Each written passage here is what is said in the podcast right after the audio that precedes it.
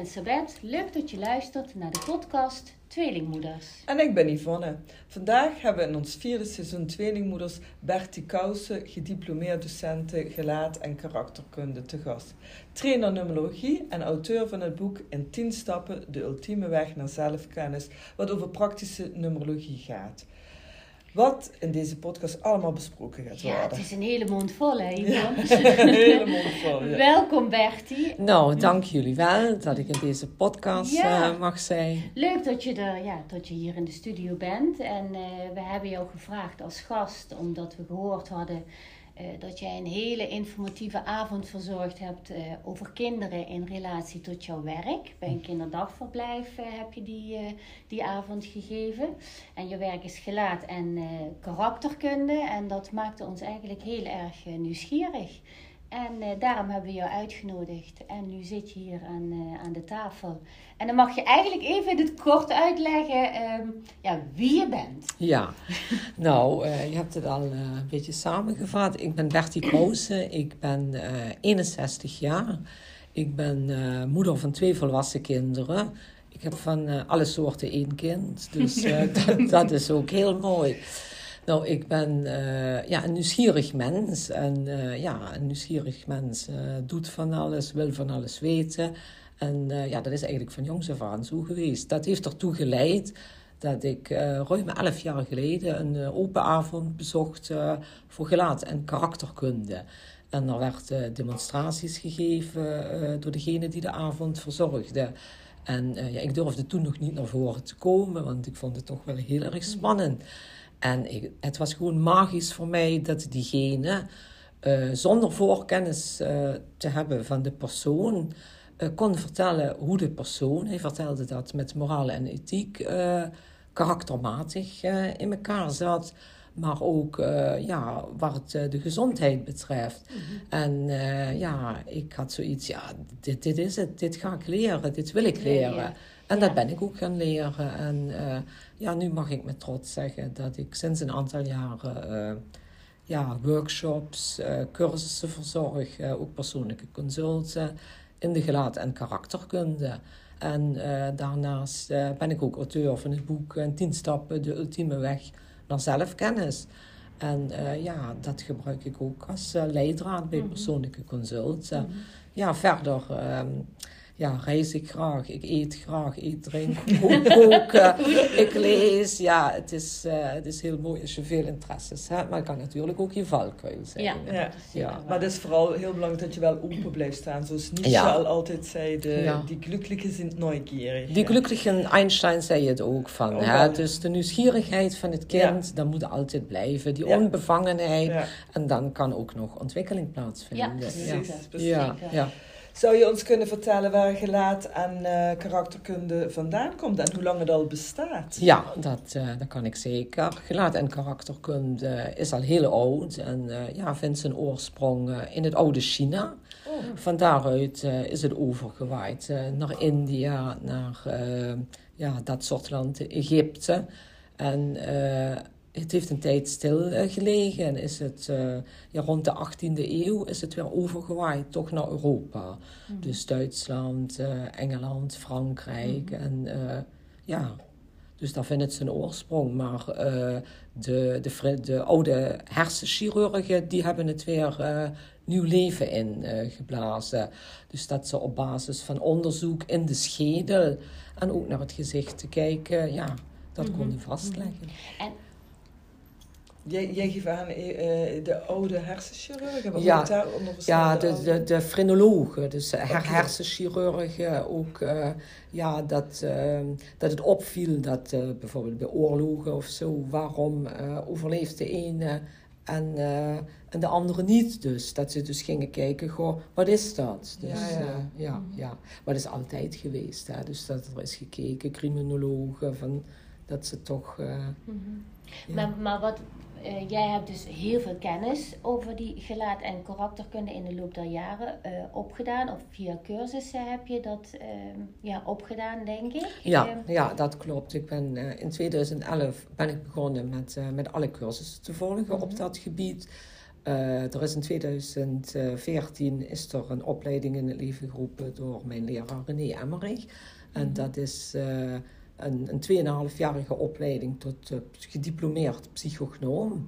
Mhm. En in die 2,5 jaar worden eigenlijk de vier vormen van gelaat en karakterkunde die wij toepassen, dus gedoseerd. Oké. Ja.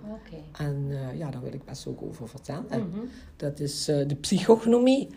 dat, dat is de, een heel lastig een hele mooie. Dat heb je al, uh, ja, ja, ja, ja, ja, Nou, Psycho, is, e- psychognomie. Psychognomie. Psychognomie. Psychognomie. Ja. Dat is volgens de leer van de Belgische professor Paul Bouts. Um, dat je dus aan de hand van, van het hoofd, van de schedel en het gezicht en het temperament het karakter van iemand kunt ja. analyseren. Ja. ja, heel bijzonder. Ja. Vooral... En waarom zou je dat doen? Waarom, uh... waarom zou je dat doen? Uh, we hebben, uh, iedereen heeft iedere dag weer overal en altijd met mensen te doen.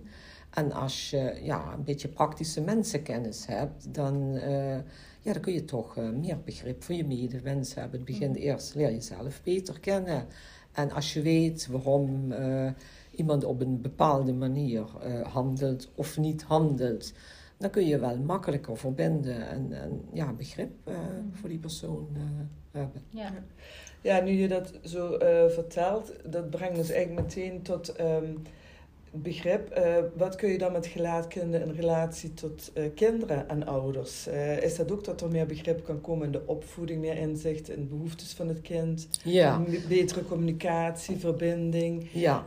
Mag ik dan eerst even die vier vormen kort toelichten? Ja, ja? dus de psychognomie, want dat zijn toch de vormen die we dus hanteren om een, een goede analyse te kunnen maken.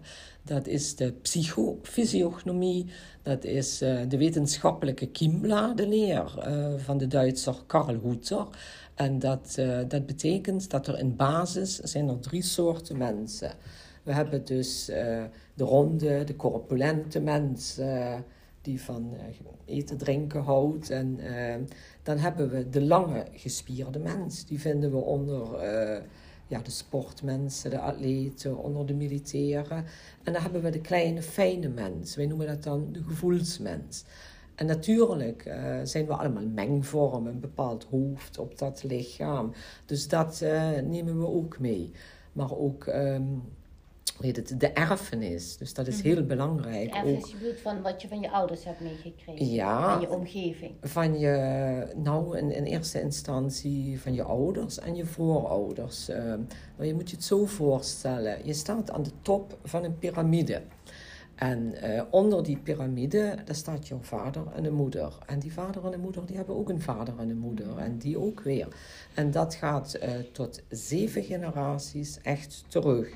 Dus een kind uh, krijgt iets mee uit die piramide. Heeft Daar... dat ook iets met familieopstelling te maken? Sorry dat ik je onderbreek, want de familieopstelling heb ik ook wel eens gehoord dat het inderdaad het zeven of een aantal generaties terug Dat zou je best kunnen stellen, ja. ja, ja dat, dat uh, daar een link mee heeft. Inderdaad, en waarom? Daarom is het ook dat in een gezin bijvoorbeeld met, uh, met vier kinderen, ze hebben uh, ja, dezelfde vader en moeder, hetzelfde eten, dezelfde opvoeding.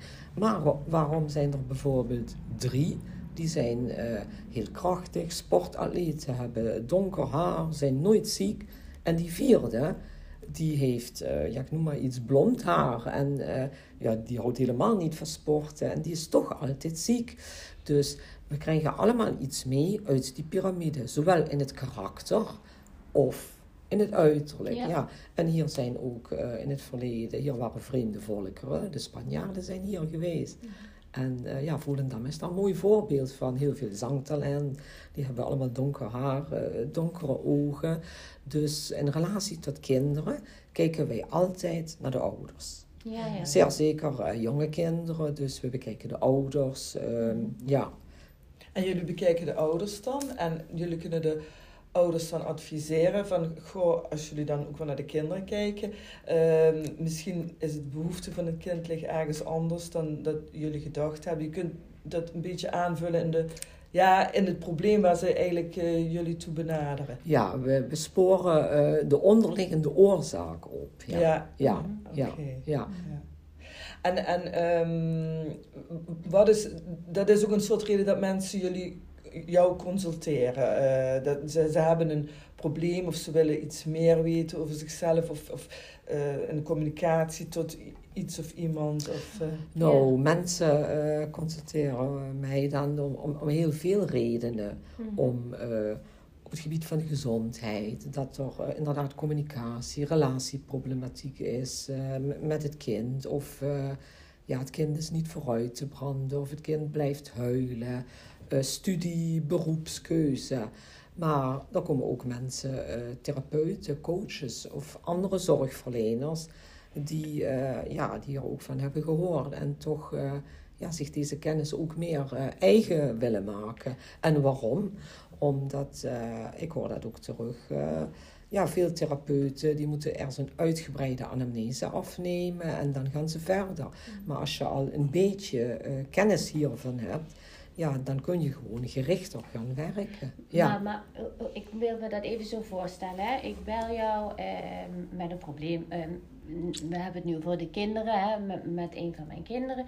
Hoe ga ik, ik kom dan bij jou thuis of gaat het online? En hoe ga je dan te werk? Hoe, uh, wat gebeurt er dan eigenlijk? Nou, uh, regulier komt uh, ouders of moeder met kind, die komen naar de praktijkruimte in Sittard. Ik een enkele keer online, maar toch liever mm -hmm. fysiek. Mm -hmm. En als het een heel jong kind is, ja, dan, dan observeer ik het kind. Ik, je, dat kind gaat zitten en je observeert alleen maar of je vraagt? Of, afhankelijk van de leeftijd van het mm -hmm. kind. Als het bijvoorbeeld een kind is wat kan zitten of al kan kleuren, dan observeer ik het kind en dan laat ik het kind een tekening maken van het, het, het huis thuis met een boom. En uh, ja, ik observeer.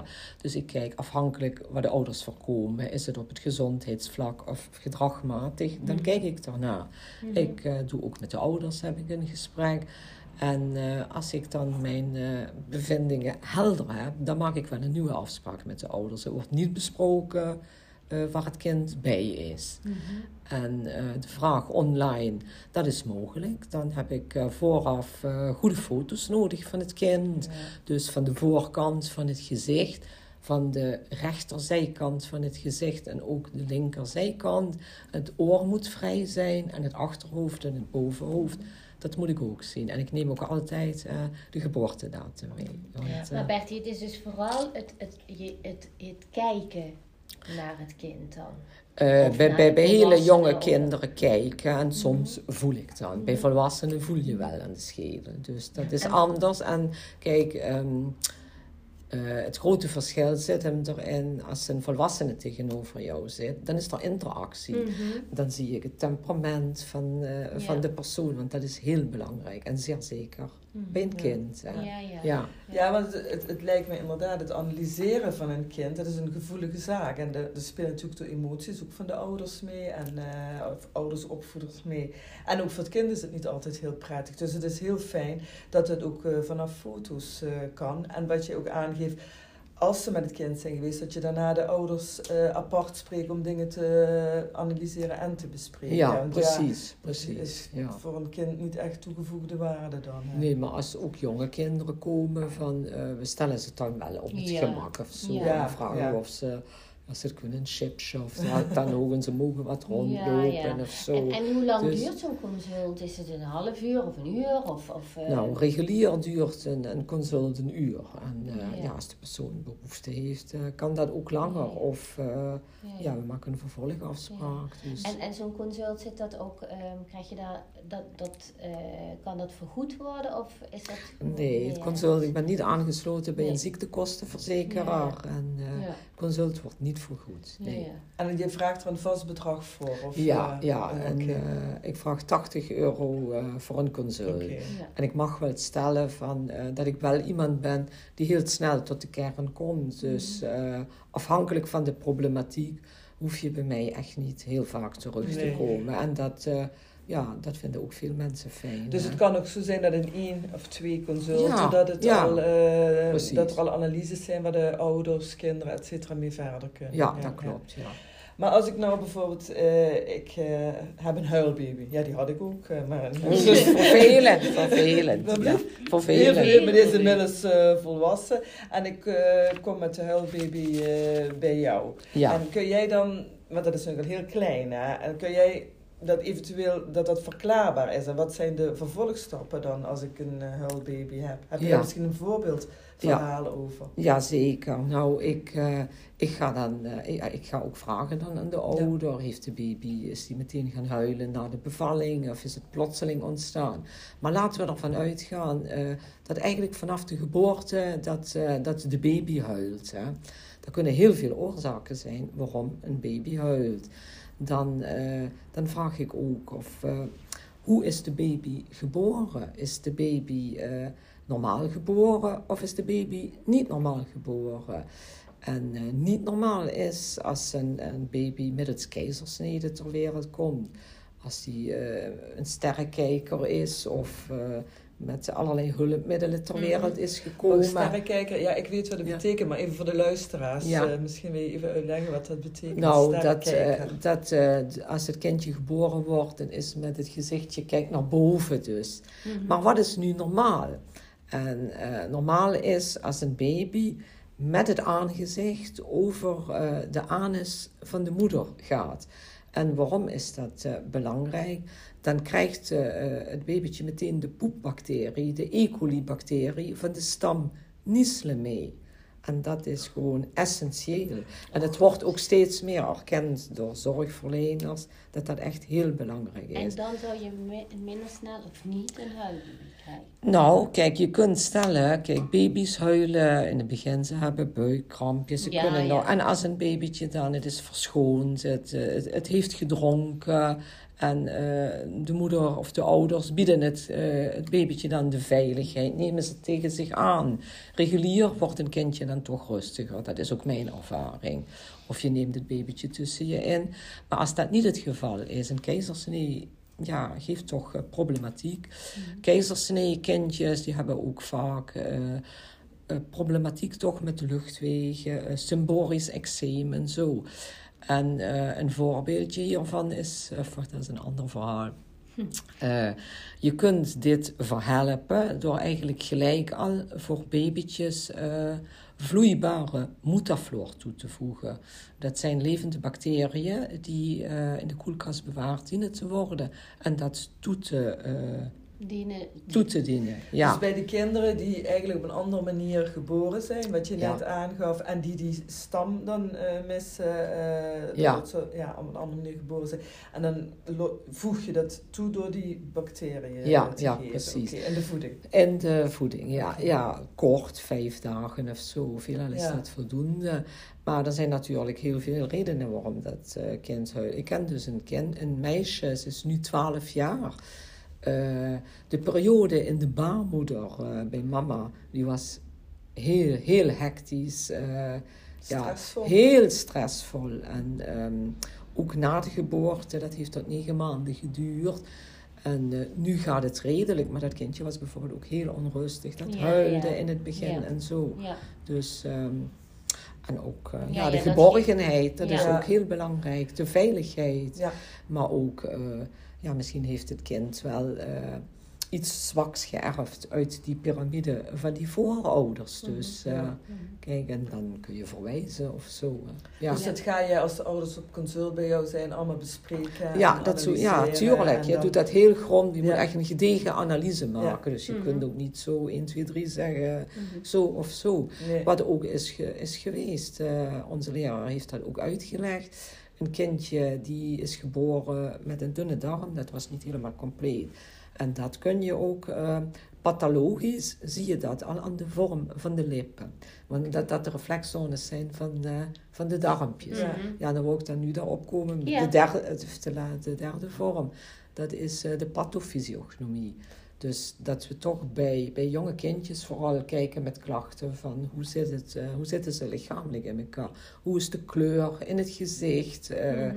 Ja, blauwe lipjes of rode, de handjes, de Mhm. levendigheid. Mhm. Dus dat neem je allemaal mee dan. dat ja. is je observatie. Ja, natuurlijk. Ja, omdat het ook tendensen zijn. Kijk, en eh, ja, kindjes zijn nog niet volgroeid. Dus ehm, de sinusholtes, dus de, de voorhoofdholtes, die, die gaan pas open met, met 12 jaar. Mhm. En ook, eh, ja, de schedel, die is ook pas rond het 25ste levensjaar Het volgroeid. lijkt me best wel lastig dan om kinderen eigenlijk dan zo... eh, een consult bij kinderen lijkt me moeilijker dan, dan bij volwassenen. Het is anders. Kijk, als, als duidelijk is waarom iemand komt, ja. Ja. Je doet ook de ouders, dan kijk je van hoe is het fysiek van de ouders. Heeft het kind iets eh, Mhm. geërfd? En eh, ja. ja. ja, het is anders. Hè? Het is anders. Het is anders. Wel heel interessant lijkt me.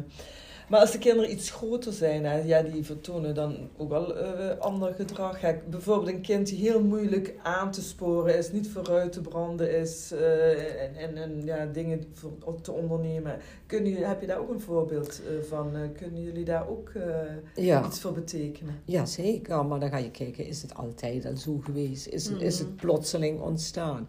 Ja, ik vind zelf, ja, ik ben ook moeder van kinderen, dus een familiekinderen, dat het als een kind eh, eh, ja, lekker gegeten heeft, het is niet ziek, eh, een kind hoort, hoort toch blij te zijn Ja, en, en, ja. en wil ontwikkelen. Ja. En als dat inderdaad niet het geval is, dan kijken we toch weer van, ja, waarom zit dat kind niet lekker in het vel? Waarom is het niet aan te sporen? En ehm, in de gelaat- en karakterkunde kijken wij dus ook naar hoofdvormen. En eh, de breedte van het hoofd. En ja, hoe moet je dat zien? Als je van vooroorpunt naar vooroorpunt, als dat breder is, Ja. dan heb je ook, en ook het bovenoorpunt, Ja. dan heb je vanzelf ook meer drijvende kracht, motorische energie. Maar een kind wat, eh, wat bijvoorbeeld een smaller hoofd heeft, heeft ook eh, minder de behoefte vaak om, om iets te doen.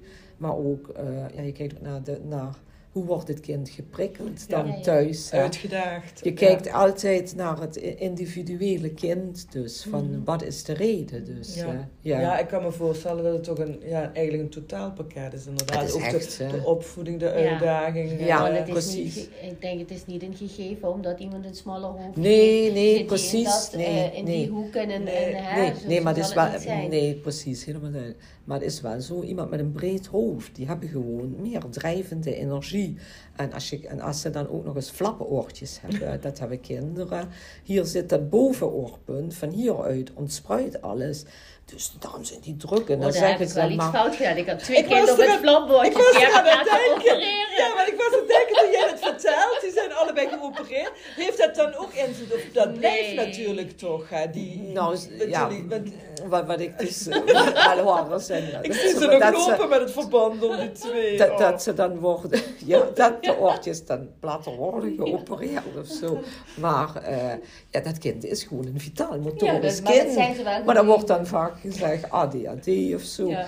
Maar eh, ja, en het voordeel is natuurlijk ook, eh, als dat breed is. Ik vind mezelf ook wel daar een voorbeeld van. Ik heb dat ook breed, maar eh, dit ook. Dat, als ik Ja, naar even voor de luisteraars. Bertie wijst nu aan de zijkant van de hoofd, et cetera. Maar- Maar als we de eh, podcast posten, kunnen jullie op Instagram zien wat ze bedoelt. Ja, en, en precies. het is- niet zo heel breed hoor. Nee, het is niet... Maar het voorhoofdpunt Ja. wel. Het Ja, loopt, het loopt in een weg.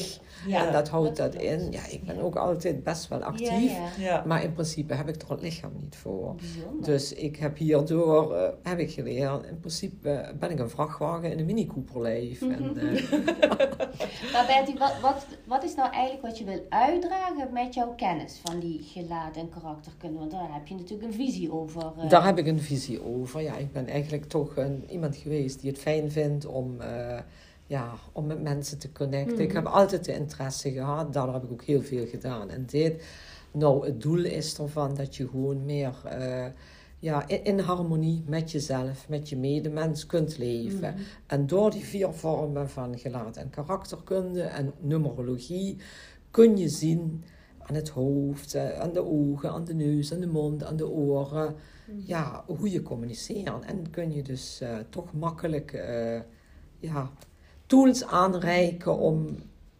om eh, ja, dat goed te laten verlopen. Want ik vind zelf, communicatie is de sleutel tot alle facetten in het leven. Zowel verbaal als non-verbaal. Maar heb je dan ook als je tegenover iemand, ja, je zit nu tegenover ons en dan heb je dan meteen al zoiets van, ehm, eh, ik zie hier iets die is zo op die... Ja, Nou, ik vind het dan heel net, bijzonder. Voordat de, voordat de podcast Nee, begon. maar dat was met de nummers. Nee, Ja, maar precies ja. waarom ik mijn Ja. eh, staart zo hoog eh, Ja, ja. geplaatst had op mijn Nou, hoofd. ik, ik ben wel iemand, ik ga toch van het positieve uit, altijd. En ja, inderdaad, als je nieuwe mensen ontmoet, ook zoals jullie, hebben Mhm. een paar keer telefonisch contact gehad, dan valt mij inderdaad op van, goh, ja, ze heeft prachtig haar, Yvonne, ze maakt hem op de kruin. dan, dan weet ik, nou, Yvonne is toch wel sterk in haar eigen waarde. Ja, dus, oh, ja. En wat me dus vooral opvalt, eh, ja, jullie hebben ook beide, eh, jullie zien er blij uit, jullie zien er sanguinisch uit. Mhm. En ja, dat soort dingen vallen me natuurlijk op. Van, is iemand enthousiast in de, in de communicatie? En, Ja. ja. Ja. het komt ook. Ik ben een visueel praktisch eh, ingesteld mens, dus ik heb dat van jongs af aan gehad. Ja. Ja. Ja. Mooi, heel mooi. Ja, Even nog terugkomen op de kinderen. De, de vraag was van als kinderen moeilijk aan te sporen zijn. Maar, maar eigenlijk, je geeft ook al aan, je kunt daar ook zien eh, waarom kinderen bijvoorbeeld heel druk zijn. Of waarom kinderen een, een, als een zwakkere gezondheid hebben. Dat gaf je ook al aan, dat er ook een verschil in kan zitten. ja precies. Ja. Dus alles kan daar, of ja, alles is natuurlijk wel een heel zwaar woord, alles. Maar heel veel kun je zien en kun je eh, aandragen aan de ouders eh, van let hier eens op. eh, en als een zwakkere gezondheid, bijvoorbeeld als je dat ziet, wat, stel je dan voor aan de ouders? Nou, kijk, als, als, een, als iets is aangeboren, dat is altijd lastig. hè. Ja. Mhm. Dus, eh, Ja. Maar dan kun je wel kijken dat je die zwakke vermogens, hoe dan ook, eh, of dat middels natuurpreparaten, beweging, ademhaling of wat dan ook, dat je dat eh, versterkt. En, Mhm. eh, en je verwijst ook wel eens door, heb je ja, eh, zeer gezegd, zeker. Zeer Ja. zeker. En Ja. dan verwijs je door naar... Naar iroscopisten, natuurgeneeskundigen. Ik heb zelf ook eh, ehm, altijd eh, ja, toch eh, issues gehad met mijn spijsvertering. Nu weet ik waardoor het komt. En, eh, dus ik heb ook zelf heel veel therapeuten gezien. Met Mhm. veel therapeuten heb ik een band opgebouwd. En eh, ja, daar verwijs ik wel. Kijk, zelf heb ik ook van voeding, eh, ja, heb ik ook veel moeten leren. Dus Mhm. beweging, ik beweeg ook graag. Dus ik kan zelf ook veel aandragen, maar ik verwijs wel door, ja. Dat is wel het mooie van, eh, Ja. Van mooi. dit. eh, Ja. Je kunt het gelijk zien en ze gaan naar een, eh, naar een voetreflexoloog of iemand die shiatsu doet of zo. Mm. En, Mhm. Ja, dat is mooi. En ik heb het zelf ook allemaal uitgeprobeerd. Dus ik weet ook wat het doet en eh, wat het niet doet. Ja, En eh, het is ook heel persoonlijk voor de mensen. Sommigen kiezen er wel voor. ja, ja. En sommigen ja. Ja, gaan Ja. toch het, het, meer het medische circuit Ja, in precies. weer naar Ja, een precies. ziekenhuis terug. Ja, of een, een, Dat is ieders keuze. Ja, En je hebt natuurlijk zo. in de loop der jaren ook een eh, groot netwerk opgebouwd. Ik heb best een hè? groot Ja, netwerk. Mooi, ja. heel mooi. Ja. Nou, wij zijn natuurlijk, Sabad en ik, eh, we hebben de podcast Tweelingmoeders. En wij Ja. zijn eh, heel eh, geïnteresseerd altijd in tweelingen en verhalen van tweelingen. Heb jij een, misschien een verhaal in relatie tot eh, tweelingen? Ehm, ja, ik heb eh tweelingtand. Dus het is een twee-eigen tweeling. Ze zijn nu 77 jaar. Ja. Nou, dat is Jan en Jos. Ja. Ja. Ja, ja, die kunnen we dus ook eens Die vragen. kunnen we komen. Ja. ja, ene is weduwe, de andere Oh. niet. Dus eh, ja, wie weet. Nou, ze zijn echt eh, qua uiterlijk, ja, zijn ze zo verschillend. Dat is de dag en de nacht, Ja. maar ook in het karakter. De ene is heel blij, is altijd positief wat er gebeurt. En, eh, ja, en de andere die is toch meer eh, ja, behouden, nog flegmatischer. Eh, ja. Ja. ze zijn heel Het verschillend. is echt twee-eiig. Echt Ja. Twee Het is wat. Dirk Pelt al aangaf, Ja. eh Ja. om de tweelingonderzoek. Het is gewoon net als broers Ja, en twee zussen. Ja, precies. Twee, een twee, Twee eenlingen die Ja. gewoon op hetzelfde moment zijn Ja, daar heb ik een stuk van geluisterd, Ja. van die podcast. Ja, nog. ja. ja. heel goed. En ik heb dan wel eh één eigen eh, tweelingkappers. Ze Oh. heten ook de Twins. Ze leuk. hebben, eh, ja, sinds een drietal jaar hebben ze apart een zaak. één in Heerlen en één in Maastricht. En in het begin, ik was ze niet uit elkaar halen. Ja. Nee, er hangt een foto in de zaak en dan zeg ik wie is nou wie. Maar in de loop der jaren, ja, eh, Heb je toch iets eruit kunnen pikken? ja, zo? ze zijn eigenlijk in, in het karakter zijn ze in grote delen matchen ze met elkaar. Maar de ene is heel spontaan, heel, eh, heel open. En de andere is toch nog eh, behoudener. Maar ook, ehm, in, in het voedingspatroon. De ene die is in de coronatijd wat ronder geworden. En dat wordt ook bepaald natuurlijk door de omgeving. Ja. hè. Mhm. Ja. De ene die heeft twee jonge kindjes, dat zijn toch Mhm. al tropenjaren. Dus Ja. vandaar, misschien blijft ze ook Ja. slaan. Ja. En de ander niet. Ja, Ja, ja, ja. ja. En het is bewezen dat het een een-eigen tweeling is. Ja, ze zeggen dat, ze- dat ik denk het wel. Ik heb Ja, dat ja. nooit gevraagd, maar ze zijn in één eigen En jij, tweeling. jij kunt ze wel uit elkaar houden. Ja, ik kan ze nu heel goed uit elkaar. Ja. Ze hebben ook nu aparte zaken. Ze hebben Oh. een drietal jaren heb ik ze samen mee, eh, werkten ze samen. En eh, die ene is, heeft in Maastricht een kapsalon. Ja. Kan ze heel goed uit elkaar halen. Ja. Van begin af aan? Of Nee, nee, in Oh, het oké. begin kon ik ze helemaal niet uit elkaar halen. Dus dat was voor Maar ze jou ook zijn wel ook- een uitdaging. Ja, dan, Ja, precies, ja, ja. ja, ik vond het wel leuk. Van, en vandaar ook omdat ik de numerologie eh, ook eh, toepas, dezelfde geboortedatum. Dat mensen me wel eens vragen, heeft iedereen dan dezelfde trekken, maakt hetzelfde mee in het leven? Ja. Dat is dus niet zo. Ja. Nee. Nee. Afhankelijk ook hoe je kiest in het leven. Ja.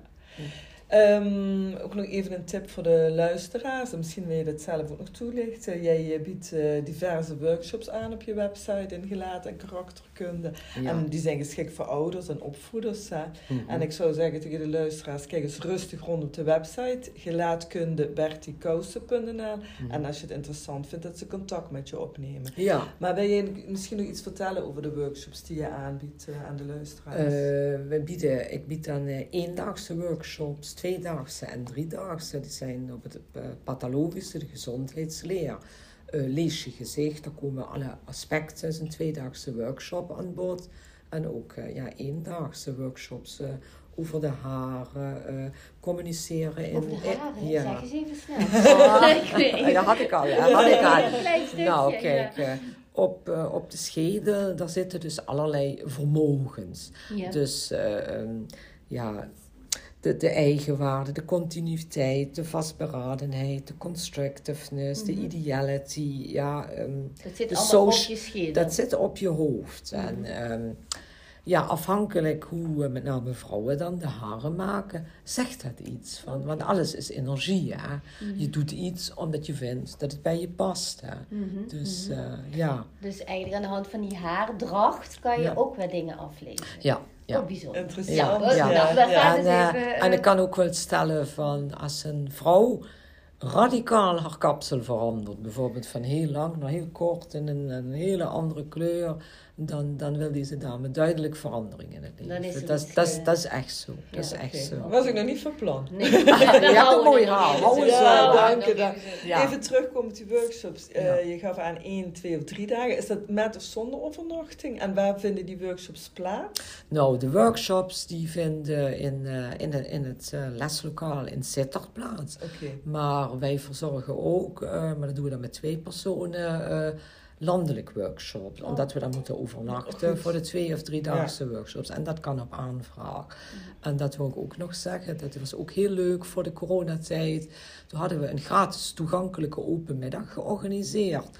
Voor eh, ouders, opa's en oma's met kinderen. En dat was heel leuk. Oké, ja. ja. En Dus, online eh, geef je ook workshops? Want niet iedereen Nee. kan natuurlijk naar Sittard afreizen. Nee, ik geef geen online workshops. Dat vind ik toch eh, te innoverend. En ook eh, in de graad en karakterkunde een hele dag. Je moet er kunnen voelen. Je moet de Ja. energie, de interactie. Ik ben wel eh, daarmee bezig dat ik iets bied. Daar is ook vraag naar voor therapeuten. Dat ik wel iets ga doen, maar toch in combinatie met, eh, met fysieke Ja, lesdagen. is wel beter, dus deels, deels. Ja, Ja. ik Ja. merk dat nu Ja. ook inderdaad. De, de luisteraars zien het niet, maar Ja. jij bent ook heel erg met je handen, je wijst aan, et cetera. Ja, nee, en dat is, dat komt dan... is op- natuurlijk Ja. ook nodig, denk ja, ik. Ja. en online Ja. is dat natuurlijk heel anders Ja. allemaal. hè. Ja. Ja. Nou, het is, ik vind het een hele, hele interessante eh, ja, bijdrage, podcast. Eh, ja. Eh, ik weet niet of je nog iets wil vertellen. Dat je zegt, nou dat vind ik ook nog belangrijk dat de luisteraars het weten.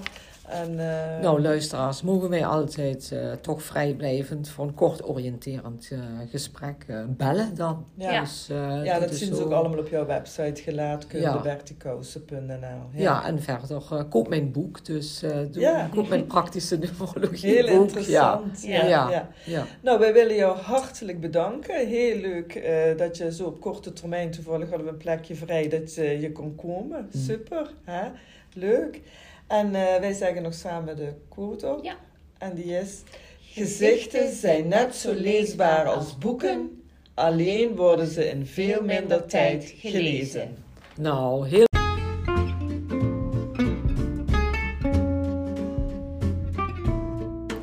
Dankjewel voor het luisteren naar onze podcast Tweelingmoeders. Wij zijn volop bezig met de opnames van ons vierde seizoen en continu op zoek naar nieuwe gasten. Zijn jullie tweeling of meerling, 16 jaar en ouder, of ben je ervaringsdeskundige op het gebied van zwangerschap, bevallen, opvoeden, gezinstherapie, kortom alles wat met kinderen en opvoeding en gezin te maken heeft? Neem dan contact met ons op via tweelingmoeders.gmail.com of stuur ons een PM op Instagram Tweelingmoeders. Wij gaan dan samen aan de slag om een informatieve, leuke en gezellige podcast te maken. Tot slot nog een kleine gunst. Luister je onze podcast via Apple of Spotify, geef ons dan wat sterren. Of bij Google, laat een recensie achter. Zo vinden meer mensen onze podcast en hebben wij een idee wat jullie ervan vinden. Hartelijk dank wel vast.